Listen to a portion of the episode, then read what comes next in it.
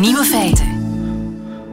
Dag, dit is de podcast van Nieuwe Feiten, geïnspireerd op de uitzending van Nieuwe Feiten van 6 januari 20. Hier het nieuws vandaag dat Ricky Gervais zichzelf heeft overtroffen als presentator van de Golden Globes vannacht. Zijn specialiteit, dingen die men niet zegt, toch zeggen. It was a big year for paedophile movies. Um, Surviving R. Kelly, Leaving Neverland, Two Popes. Geen enkele filmster bleef gespaard, zelfs Dame Judi Dench niet, genomineerd voor haar rol in Cats, een rol waarvoor ze geboren was. But Dame Judi Dench defended the film, saying it was the role she was born to play. Because she. I can't do this next joke. because she loves nothing better than plonking herself down on the carpet, lifting her leg, and licking her own. Judy Dench speelde graag in Cats omdat ze niets liever doet dan op een tapijt liggen met één pootje omhoog en aan haar eigen flamoes likken. Ricky Gervais in topvorm. Alle kandidaatwinnaars kregen een waarschuwing. Kom hier niet prediken over wereldvrede als je een klein beeldje wint. Want mocht IS een streamingdienst beginnen, dan waren jullie de eerste om jullie manager te bellen. If ISIS started a streaming service, you'd call your agent, wouldn't you? So, if you do win an award tonight, don't use it as a, a, platform to make a political speech, right? You're in no position to lecture the public about anything. You know nothing about the real world. Most of you spent less time in school than Greta Thunberg. So, if you win, right, come up, accept your little award, thank your agent and your God, and off. Okay? Ricky Gervais in the Golden Globes. vannacht. De nieuwe feiten vandaag. De 12 is voorbij. Ook strafpleiter Walter van Steenbrugge heeft de serie over een assisejury bekeken. Australië brandt en wij zullen dat voelen. En Frankrijk discussieert over de pedofiele schrijver Masnev. De nieuwe feiten van Nico Dijkshoorn hoort u in zijn middagjournaal. Veel plezier.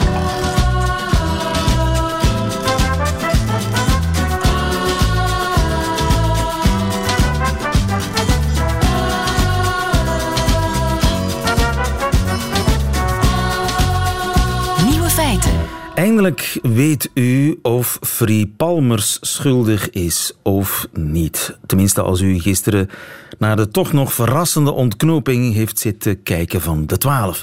De VRT-serie over een assisejury. In het Millenniumproces wachten juryleden een zeer zware taak.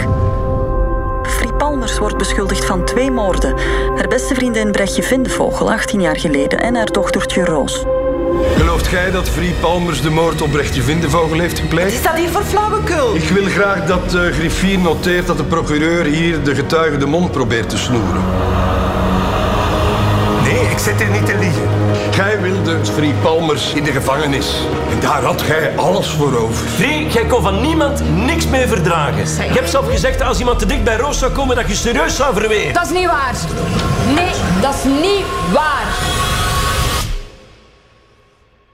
Denk niet dat ik de juiste mens ben om te oordelen over iemand anders. Ja, wie ben ik om te oordelen? De centrale vraag in De Twaalf. De prachtige serie van de VRT die gisteren haar ontknoping kende. En ook strafpleiter Walter van Steenbrugge die zat met kloppend hart eh, voor de kleurentelevisie, toch? Dag Walter. Ja, goedemiddag. Uh, dag lieve. Je hebt de serie gevolgd? Inderdaad, ik heb uh, met belangstelling gekeken. Uh, niet altijd in real time, maar af en toe is uitgesteld. En gisteren was ik er wel bij toen het in real time werd uitgezonden. Ja. ja, en jij kijkt daar natuurlijk als ervaren assisepleiter anders tegenaan dan ik en de meeste andere kijkers. Wat vond jij van de serie? Ik vond het een heel sterke reeks. Ik heb dat echt met veel graagte gevolgd. Ik vond de reeks heel sterk omwille van het feit dat het ging om een ja, levensechte uitdieping van de karakters van die twaalf juryleden die inderdaad iets moeten doen wat misschien wel het moeilijkste is wat iemand in zijn leven moet doen, namelijk over iemands leven oordelen. Uh, langs de andere kant ja, waren er hier en daar wat, wat foutjes in de juridische benadering van de zaak. Het, het, was ook niet echt een rechtbankdrama, vond ik, alhoewel dat de plot uh, dan toch iedereen wel uh, echt interesseerde. Maar uh, het was een beetje spijtig dat als je het zo kwaliteitsvol kunt brengen met zulke sterke acteerprestaties, dan hadden de foutjes die erin zaten om het leven, zegt ook juridisch, op juridisch vlak contact te, te brengen, dan hadden die foutjes er niet mogen zijn. Maar goed, en dat ja. zijn wat jou betreft schoonheidsfoutjes? Of noem eens zo'n foutje, want die maakt me wel nieuwsgierig. Wel ja, gisteren was het voor mij toch een beetje opvallend dat plots er sprake was van die ziekenhuisbacteriën. Het was uh, Holly, dacht ik, de hoofdvrouw van de jury, die op een gegeven ogenblik de vraag stelde, ja maar goed, het was de ziekenhuisbacterie die uiteindelijk de dood van het kindje veroorzaakt heeft. En dat uh, viel zo'n beetje toch wel heel speciaal. Dat was voordien niet of nauwelijks aan bod gekomen. En dan ging het juridische een beetje de mist in, omwille van het feit ja, dat er ook zoiets bestaat als een uh, herkwalificatie van de feiten. De voorzitter van uh, de beroepsrechters ja, gaf daar niet het ju juiste antwoord op. En wat ook een beetje basis was, vond ik, dat is dat de vraag naar de schuld nooit de vraag naar de voorbedachtheid kan inhouden. Dat is een bijkomende vraag die men moet stellen, omdat voorbedachtheid een verzwarende omstandigheid is. Dus dat... dat zaten een aantal dingetjes in ja. die niet helemaal klopten. En bedoel je dat die ziekenhuisbacterie dat dat in het ware leven meer gewicht zou krijgen in absoluut, de? Absoluut, ja. Het is natuurlijk uh, evident dat uh, iemand die het kindje echt wou doden, want doodslag betekent iemand uh, met het oogmerk om te doden het niks leven verklappen, hè, niks verklappen van de uiteindelijke ontknoping. Er zijn mensen die het nog willen ja, zien. oké. Okay. Maar goed, nee, ik, ik wil het even een klein beetje juridisch benaderen. Dat Ja. is ja, als je iemand echt het leven wil ontnemen, ja, dan kon je dat perfect doen met het kindje als dusdanig. Dus het kindje werd alleen verwond. En dan merkt eh, de hoofdvrouw van de jury terecht op, ja, blijkbaar was uit de debatten gebleken dat de ziekenhuisbacterie dan voor eh, de dood had gezorgd. Dan kan die feitelijke uh, omstandigheid nooit leiden tot een doodslag, maar moet dat geherkwalificeerd worden naar slagen of verwondingen. Men wou het kindje verwonden, maar niet doden. En dat viel ja, zo'n beetje Tussen de uit de lucht. Uit dat, de lucht. Dat, ja, ja. Dat, dat is een, een los eindje eigenlijk Mhm, in de serie. Maar, maar voor de rest, er gebeurt nogal wat in die serie. Hè? Juryleden verkopen inside informatie aan de pers. Mhm. Hoe realistisch is dat? Ja, ik denk dat dat wel uh, mogelijk is. Ik uh, geloof niet dat dat frequent voorkomt, maar uh, vermits dat assisenzaken natuurlijk van heel nabij gevolgd worden, en zeker als het gaat om een kindermoord, ja, dan krijg je natuurlijk soms wat deviaties en dat kan gebeuren bij juryleden, maar dat kan ook gebeuren bij andere partijen die deel uitmaken van het ganse gebeuren. Ja. Maar juryleden mogen dat uiteraard niet doen. Nee, die mogen niet in contact komen, uh, nog van dicht, nog van ver met de pers. Dat wordt uitdrukkelijk voorgeschreven uh, bij de start van uh, de procedure. Ja, maar je weet nooit wat er in hoeken en kanten en achterstruikjes mm -hmm. allemaal besproken wordt. Dat nee, kan dat, je moeilijk bewijzen. Dat is het, het sterkte, de, de, de sterkte van deze reeks ook geweest. Dat is dat men op een onwaarschijnlijk goede manier de, de personages heeft weten te evoceren met hun uh, dagdagelijkse bezonjes ook. Wat dan ook op een heel goede manier werd uh, tot uiting gebracht. Dat dat ook de resultaten, de beoordelingen kan impacteren. Aha. Dus ja, dat, uh, dat was echt heel knap van de makers, vond ik. Ja, elk jurylid brengt natuurlijk zijn eigen emotionele bagage mm. mee naar de rechtszaal. een vrouw Absoluut. wordt door haar man geterroriseerd. Mm. Ja, die zal allicht strenger oordelen. Ja, die zag de manipulaties van haar man een beetje uh, gelijk lopen met de manipulaties van, uh, van de verdachte in haar, in haar ogen. Dus je voelde heel goed aan dat de mensen volgens hun eigen ervaringen oordeelden. Dat kwam ook zeer goed tot uiting, vond ik, bij Arnold. Hè, de man die ook een heel sterke prestatie neerzette, vond ik. Dat jurylid die wat gefrustreerd en wat kwaad was op de wereld. Kwaad op het feit dat men dat aapje had weggebracht. Ja. Kwaad op die partner die niet echt thuis gaf. En dus ja, dan gaat hij wat, uh, wat kwaadheid uh, naar de andere juryleden richten. Dat vond ik ook wel heel knap en heel goed ja. gedaan. En dat is natuurlijk iets als strafpleiter. Je zou ja, niks liever willen dan een, een vlieg op de muur zijn in zo'n juryzaal. Je wil weten wie zijn die mensen. Mm -hmm. Ja, daar, daar, daar heb je absoluut geen, geen, geen echt contact mee. Je hebt een contact, uh, want je zit er enkele meters uh, recht tegenover tijdens de procesweken, maar je weet absoluut niet wat die mensen denken of zeggen uh, tijdens het beraad of tijdens de, de ja. etentjes die de besluitvorming voorafgaan. Dat, dat weet je niet. Ik denk dat we soms zouden verrast zijn hoe bepaalde juryleden die een oogcontact kunnen maken, dan uiteindelijk gaan oordelen. Daar, dat zouden wij wel graag willen weten, maar dat is er zijn juryleden die oogcontact maken. met jou? Ja, dat gebeurt hè, omwille van het feit, ja, je pleit ten aanzien van de jury. Het zijn zij, uh, de vrouwen en de mannen, die uiteindelijk het, het laatste oordeel hebben. Dus je richt je dan tot die mensen. En ik denk dat het goed is dat wanneer dat je praat, wanneer dat je pleit, wanneer je je wil overtuigen, dat je inderdaad in de ogen kijkt van degene die moeten oordelen. Dat gebeurt trouwens ook zo bij beroepsrechters. En zie je dan van, ik heb beet of ik heb geen beet? Wel, wat, wat, uh, vaak het, wat, wat soms het geval is, is dat je, je voelt dat, dat de mayonaise pakt of dat ze niet pakt. Ik herinner mij ooit eens dat ik een man bijstond, een Indiër die uh, verdacht werd van kindermoord. En uh, dat proces vond plaats ettelijke of, of, enkele maanden of weken na het ganse Dutroux gebeuren. En toen dat ik ten aanzien van die juryleden moest pleiten, zat, zaten de meeste mensen met gekruiste armen. Ja. En dan voelde je dat wanneer dat je een woord tot hun richtte, dat woord kwam terug. Het was alsof dat je met een tennisbal op een muur sloeg en die bal kwam onmiddellijk terug. Dan wist je het onmiddellijk. En ik heb het later ook vernomen dat de juryleden uh, gezegd hadden onderling van ja, we laten ons door geen enkel woord uh, beïnvloeden. Uh, aan kinderen raak je niet. En uh, wat ja. advocaten daar ook mogen over beweren en over zeggen, ja. dat zal ons niet raken. En dan, je voelde dat als pleider. Dat iets anders, iets helemaal anders, natuurlijk die speurders in die serie. Die zitten ook in een soort van tunnelvisie. Mhm. Uh -huh. Er wordt zelfs bewijsmateriaal gefabriceerd. Mhm. Uh -huh. Hoe realistisch is dat? Wel, spijtig genoeg uh, is dat realistisch. En ik moet zeggen, het uh, komt. Uh, het, het, we moeten zeggen dat de makers van deze reeks dat heel goed gedaan hebben, omdat het inderdaad levensecht is. Ik vond trouwens ook. Speurders fabriceren bewijsmateriaal? Dat kan, ja. We mogen dat uiteraard niet gaan veralgemenen. Meestal is het niet zo, maar het gebeurt dat. Je hebt het al meegemaakt? Ik heb het al meegemaakt, inderdaad. En, en, en te vaak, wanneer speurders, ja, zij zijn ook mensen overtuigd zijn van een bepaalde situatie, dan gaat men soms op zoek om het eigen gelijk aan te tonen. En het is dat precies wat tijdens een onderzoek niet mag. Een onderzoek moet zowel ten laste als ten ontlaste gebeuren. En te vaak komen we dat tegen. En, en wat, ook, wat ik nog wou zeggen, wat ook heel sterk was in deze reeks, dat is dat de, de, de pers personages goed gekozen waren. Ik vond dat die assisenvoorzitter echt uh, uit het leven gegrepen was als een echte assisenvoorzitter. En dat was trouwens ook zo met de vrouwelijke openbare aanklaagster. Leven zegt dus op dat vlak uh, 10 op 10. Ja. Eerlijk gezegd, mijn vertrouwen in het gerecht is toch een beetje ja, aan het wankelen gegaan in de loop van die serie. Ja, fabriceren van bewijsmateriaal, tunnelvisie bij speurders, uh, juryleden die zelf emotioneel in de knoop zitten. Mhm.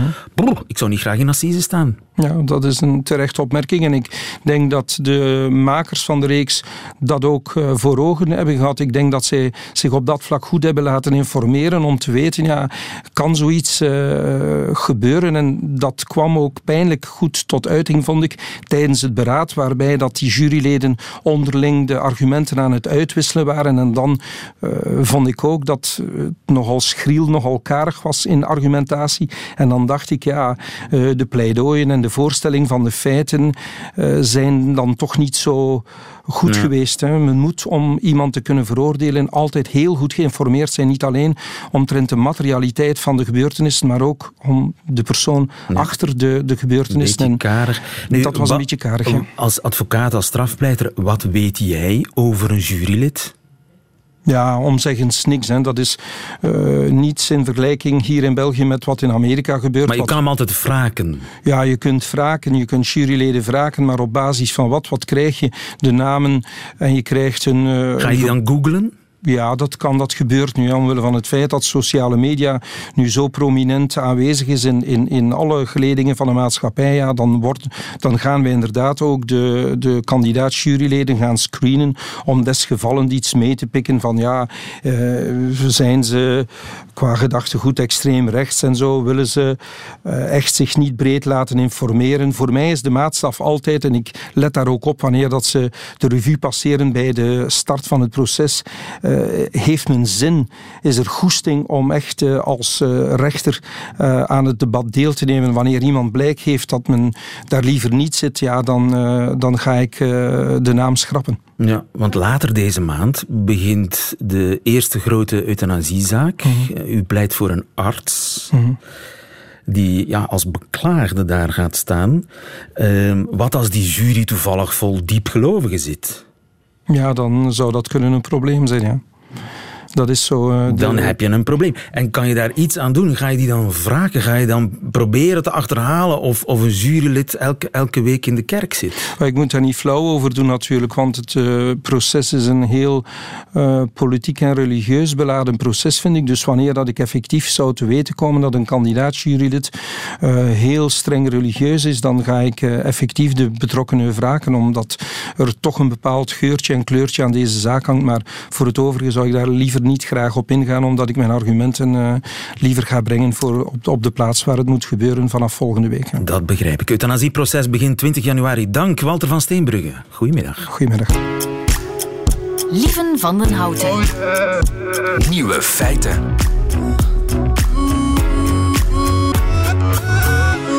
De bosbranden in Australië zijn niet alleen erg voor Australië, want die werken als een soort van oven die de rest van de planeet opwarmt. Hans Verbeek, goedemiddag. Goedemiddag. U bent professor bos- en eh, vegetatie-ecologie aan de Universiteit van Gent. Ja, dat hebben we nog nooit eerder gezien hè. in Australië. Bosbranden van die omvang. Twee keer de oppervlakte van België, lees ik. Ja, in, in de laatste cijfers die ik net even heb nagekeken, uh, spreekt men zelfs van een oppervlakte van 150.000 uh, vierkante kilometer. Dat zou vijf keer de oppervlakte van België zijn. Vijf keer België, zeg. En ze kunnen nog weken doorgaan, die branden. Ja, het, uh, het uh, angstaanjagende is dat deze bosbranden niet alleen zeer groot zijn, maar dat ze ook heel vroeg in het droogseizoen al voorkomen. Dus het, de zomer die is eigenlijk pas begonnen daar in Australië. En het droogseizoen zal, gaat normaal gezien nog, nog wel een maand duren vanaf vandaag gerekend. Dus uh, we verwachten eigenlijk niet snel uh, verbetering in de situatie. Ja, het moet eigenlijk gaan beginnen regenen, maar dat kan dus nog weken, misschien zelfs langer duren, maanden. Ja, inderdaad. Uh, dus in normale jaren begint het pas over een maand of iets later zelfs terug te regenen. Ja, en als al die branden zich aan elkaar rijgen tot één grote megabrand, ja, dan, dan weten we niet eens wat er gaat gebeuren, toch? Of is dat nu echt helemaal uh, mijn fantasie die op hol slaat? Wel, de, de, de impact en de effecten uh, zijn, uh, zijn va vandaag moeilijk in te schatten. ook omdat we niet weten hoe, hoe lang de branden nog gaan doorgaan en hoe groot de uiteindelijke afgebrande oppervlakte zal zijn. Maar we zitten nu eigenlijk al aan ja, cijfers die veel hoger zijn dan, dan de voorbije jaren. Hè. Uh, er is een, satelliet van de NASA die eigenlijk continu wereldwijd uh, brandhaarden uh, monitort. En in normale jaren in dat gebied in Australië zitten we met 25.000 brandhaarden per jaar. En dit jaar, dus 2019, werden er al 80.000 geteld. Dus ongeveer drie à vier keer meer dan, dan andere jaren. Nu, die bosbranden in Australië, die gaan ook ons doen zweten. Dat is 16.000 kilometer verderop. Hoe kan dat? Um, wel, het, het, feit is dat uh, bossen, niet alleen in Australië, maar wereldwijd, en, en, planten en vegetatie in het algemeen, die nemen uh, CO2 op uit de lucht hè, door een proces wat we fotosynthese noemen. Um, en uh, zo nemen planten wereldwijd ongeveer 30% van onze CO2-uitstoot op per jaar. Een bos is eigenlijk een CO2-container. Dat zit daar opgeslagen. Inderdaad. En als uh, bossen afbranden en er is geen bos meer in de plaats, of het zal tientallen jaren duren eer, eer die bossen zich terug hersteld hebben, dan gaan we dus een periode tegemoet waarbij een heel grote oppervlakte in Australië veel minder CO2 zal opnemen dan, dan ze tot voor kort deden. Dus de, de opslagcapaciteit verkleint heel plots. En bovendien, tijdens deze branden komt alle CO2 die de voorbije tientallen jaren is opgeslagen in die bossen, komt eigenlijk op heel korte tijd uh, vrij. Dus um, je hebt eigenlijk een dubbel effect. En dat, dat is wereldwijd voelbaar. Het omgekeerde is ook voelbaar. In 2011 was er een heel nat jaar in Australië, waarbij de bossen veel sneller gegroeid hebben dan gewoonlijk. En dat kon men eigenlijk meten in de gemiddelde CO2-concentraties in de atmosfeer wereldwijd, dat de, dat de stijging toen veel trager was. Ja. En dus nu zullen we waarschijnlijk het omgekeerde zien en zal de stijging van het CO2-gehalte in de atmosfeer uh, sneller zijn uh, dan andere jaren. Ja, nu, bomen verdampen ook, brengen vocht in de lucht, afkoeling. Die, als die bomen er niet zijn, ja, dan gaat de opwarming op die manier ook harder. Uh, dat klopt helemaal. En dat is een effect dat men vooral lokaal zal voelen in Australië. dus het, het lokale of regionale klimaat wordt eigenlijk gestabiliseerd door de aanwezigheid van bossen. Heel wat warmte, energie uh, wordt eigenlijk ja, gedissipeerd via waterverdamping. Dus dat is eigenlijk een, een uitlaatklep om warmte kwijt te geraken, is die verdamping van water. En een, een landoppervlak met veel bos kan veel meer water verdampen dan een landoppervlak met gras bijvoorbeeld of woestijn.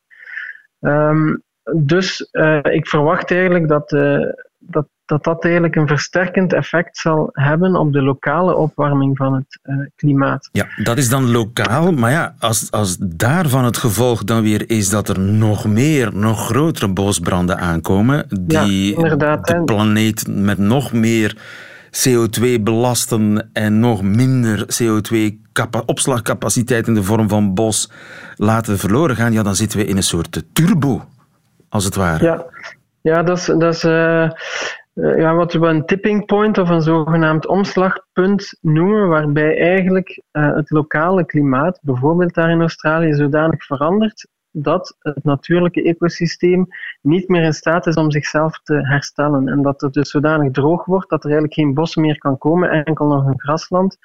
Uh, wat een droger systeem is en, en ja, wat dus, zoals je zelf net beschreef, eigenlijk een zelfversterkend effect is. Ja. En is dat een soort van voorafname van wat er elders op de planeet ook kan gebeuren? Dat eigenlijk bos vervangen wordt door gras?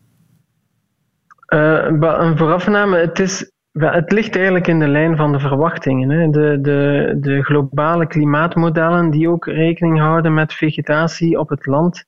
Dat zijn grote computersimulatiemodellen. Die voorspellen dergelijke scenario's eigenlijk al twintig jaar. En nu nu zien we eigenlijk, dat de, wat er twintig jaar geleden, voor, dat het allemaal waar was. Ja, allemaal waar. Uh, het is natuurlijk niet dat we twintig jaar geleden uh, exact voorspeld hebben uh, dat er in eind 2019 grote bosbranden zouden zijn in Australië. Wat we wel voorspellen met die modellen is dat de frequentie van bosbranden hoger zal worden, dat de intensiteit hoger zal worden en ook de oppervlakte want een bosbrand uh, kan uh, beperkt zijn. Hè. In die bossen in Australië, uh, dat zijn eigenlijk hele open bossen met veel gras tussen. En in een weinig intense brand zal alleen, zullen alleen de grassen branden. Maar een zeer intense brand zal dus ook alle bomen aantasten. En dit is wat we, wat we vandaag zien. Ja. En dus die, die Ik word er een beetje van, moedeloos van. Het is inderdaad geen, geen rooskleurig nieuws om het jaar mee te starten. Uh, ik hoop eigenlijk vooral dat het, uh, dit soort uh, van fenomenen die eigenlijk de, de, wetenschappelijke modellen bevestigen, dat dat vooral een trigger zal zijn voor, voor beleidsmakers om werk te maken van allerlei maatregelen om, om de klimaatverandering. de zoveelste wake-up call. Ja, dat denk ik wel. En, en, en ik hoop dat dat dan een, een positief element kan zijn van dit, deze feiten die vandaag gebeuren. Ja, de wake-up call die Australië is. Australië waar uh, intussen vijf keer België aan bos is aan het branden. Dankjewel, Hans Verbeek. Goedemiddag. Ja, goedemiddag. Graag gedaan. Dag. Nieuwe feiten. Coucou de France. Met Alex Visorek. Ja, natuurlijk krijgen we ook in 2020 eh, een wekelijkse update van de nieuwe feiten in Parijs en in Frankrijk van onze landgenoot en mijn radiocollega aldaar, Alex Visorek. Bonne année, Alex. Bonne année. Goedemiddag, lieven, en gelukkig nieuwjaar. Eerst en vooral, we zijn klaar voor vele spannende nieuwe feiten uit Frankrijk. Maar er is iets dat 2019 niet zal overleven, en maar goed ook. En dat is strafbare feiten goed praten omwille van de kunst. Vergeet Roman Polanski, j'en ai déjà parlé. We doen er nog een schepje bovenop. Deze keer gaat het om Gabriel Matzneff, een omstreden schrijver die grote literaire prijzen heeft gewonnen in Frankrijk, nu 83 jaar oud. Hij was een vriend van president François Mitterrand en het grote idool van zowat alle hedendaagse provocerende auteurs. Maar, er is een maar, in een nieuw boek van Vanessa Springora wordt hij ontmaskerd als pedofiel. Erger Iedereen wist het, want zijn seksuele voorkeur staat zelfs in zijn boeken, waarin hij sinds de jaren 70 met een heel pikante stijl zijn relaties met minderjarige meisjes beschrijft. En wat de Fransen van vandaag verbaast, is dat niemand in het literaire wereldje er een probleem in zag. Integendeel, neem bijvoorbeeld Bernard Pivot. Dat is meneer Boeken op de Franse televisie. In de jaren tachtig had hij een tv-show, Apostrof, waar Madnef meerdere keren te gast was En het was vooral lachen met Masneff. Vous êtes quand même un collectionneur de minettes. Et, et, et, et alors, par exemple, d'ailleurs, vous faites des bilans de temps en temps. Forme éblouissante donc, et mes amours en témoignent. La conquête en trois jours consécutifs de trois inconnus, dont deux vierges, Marie-Agnès, Aude et cette Brigitte S. Ja, hij noemt het een, uh, wat, wat is het ook alweer, een collectioneur de minet. Hoe zou je dat vertalen, uh, Alex? Tienerverzamelaar, ja, zoiets. Dat is nog netjes. Uh, ja, de, de, de boeken van Matzneff zijn soort Panini-albums met zijn uh, te jonge one-night stands. Maar volgens Matzneff was er niks fout, want het was goed bedoeld. Hij had zelfs een uitdrukking uitgevonden. Het was geen pedofiel, maar een filopede. Aha. Niks en dat maakt een groot verschil. Ja, dat is het voor hem.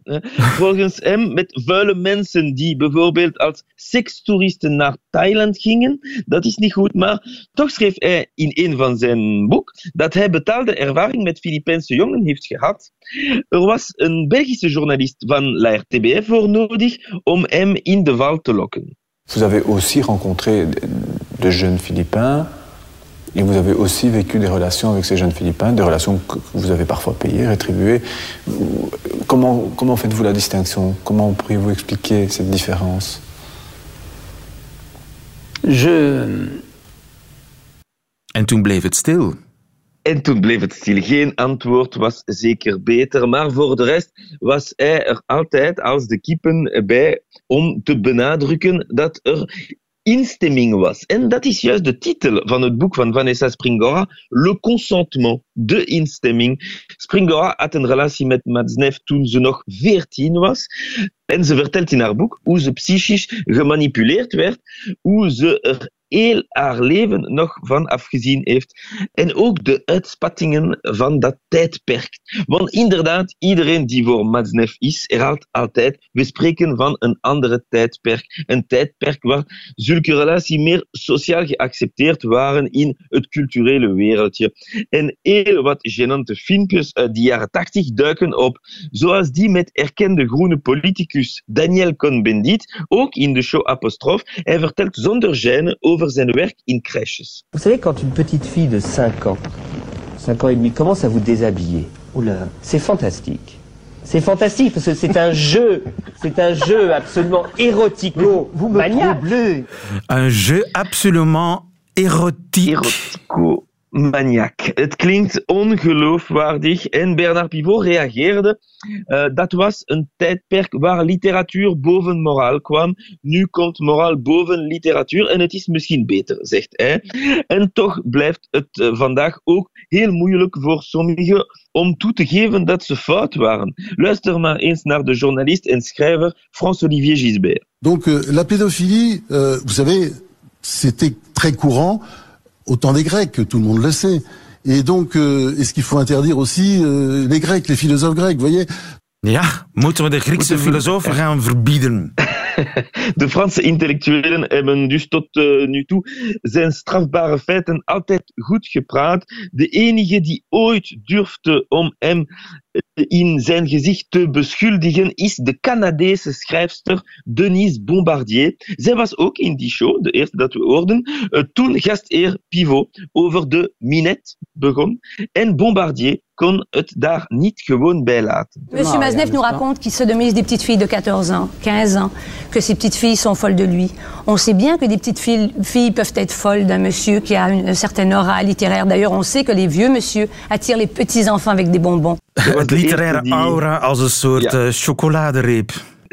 dat zei ze. De eerste die hem in zijn aanwezigheid een pedofiel durfde te noemen. En daarna verdween hij uit de media. Maar eerst probeerde hij zichzelf te verdedigen, zoals alle intellectuelen die hem probeerden goed te praten. D'abord, portons un jugement sur un livre. D'abord, savoir si c'est un livre d'un écrivain, si c'est un beau livre. La littérature ne, pas, ne, peut pas servir d'alibi. Il y a des limites dit, même à la littérature. Zelfs de literatuur heeft grenzen, inderdaad. Ja, dat zei Denise Bombardier. En dat denkt nu ook het Openbare Ministerie, die vorige week eindelijk een onderzoek tegen uh, Maznev heeft geopend, 40 jaar na wat hij in zijn boeken schreefde. Il n'est jamais trop tard pour bien faire, zegt men in het Frans. Frankrijk in de ban van een 80-jarige schrijver Matsnev. Dankjewel in Parijs voor ons Alex Visorek. Goedemiddag, tot volgende week. Goedemiddag. Dat waren ze, de nieuwe feiten van 6 januari 20. Alleen nog die van Nico Dijkshoorn heeft u te goed. U hoort ze in zijn middagjournaal. Nieuwe feiten. Middagjournaal. Beste luisteraars, als u dit hoort, dan ben ik bij de tandarts. Het is mij in 59 jaar tijd niet gelukt om daar heel luchtig over te doen. Ik verander in een wrak. Dat heeft niet zo heel veel met de tandarts te maken, maar met de wachtkamer. Ik vind het heel vervelend om te moeten wachten op iets wat ik niet wil. Het doet mij denk ik te veel denken aan de schooldokter. Alleen nu dan met mijn kleren aan. Ik herinner mij de opwinding in de klas wanneer de schooldokter ons schoolplein opreed. Expres in een heel opvallend wit busje dat helemaal vol zat met helse werktuigen. Dan wisten wij in de klas al hoe laat het was. Een paar uur later zaten wij, alleen maar gekleed in een witte onderbroek, te wachten op een bankje vlak naast het lege handarbeidlokaal. Onderbroeken waren toen nog wit en merkloos. Geen enkele fabrikant was trots op de onderbroek. Wij droegen de bovenkant van onze onderbroek ook gewoon in onze buitenbroek. Dat is nu heel anders. Ik voorspel dat binnen een jaar iedereen zijn onderbroek over de buitenbroek heen draagt, zodat je de merknaam nog beter kunt lezen. Maar goed, ik had het over de schooldokter. Wat ik mij ervan herinner, dat is dit. Ik moest naast hem gaan staan en dan moest ik heel hard op mijn hand blazen. Waarom weet ik niet. Ik kon dat wel heel goed op mijn hand blazen. Zoals er wel meer zinloze dingen zijn die ik heel goed kan. Vogels herkennen bijvoorbeeld aan hun snavel. En sinaasappels een voornaam geven. Er ligt nu een sinaasappel vlak voor mij die Leo heet. Ik blies op mijn hand en de dokter voelde aan mij lies. Waarom weet ik niet. Daarna mocht ik terug naar de klas. Ik vertelde de jongens in de klas wat ze te wachten stond. Ik verzon gewoon maar wat. Ik zei: Hij gaat even heel kort op je rug staan, met een paar ijzeren laarzen aan, en daarna moet je het alfabet zingen. Het is dus vooral het wachten bij de tandarts. Tussen mensen zitten met jassen die nog ruiken naar het eten van een dag eerder. Samen in de wachtkamer een tijdschrift uit 1985 lezen. In die situatie bevind ik mij nu, luisteraars. Ik ben zo jaloers op u, in de file, ongegeneerd met uw vinger in uw neus.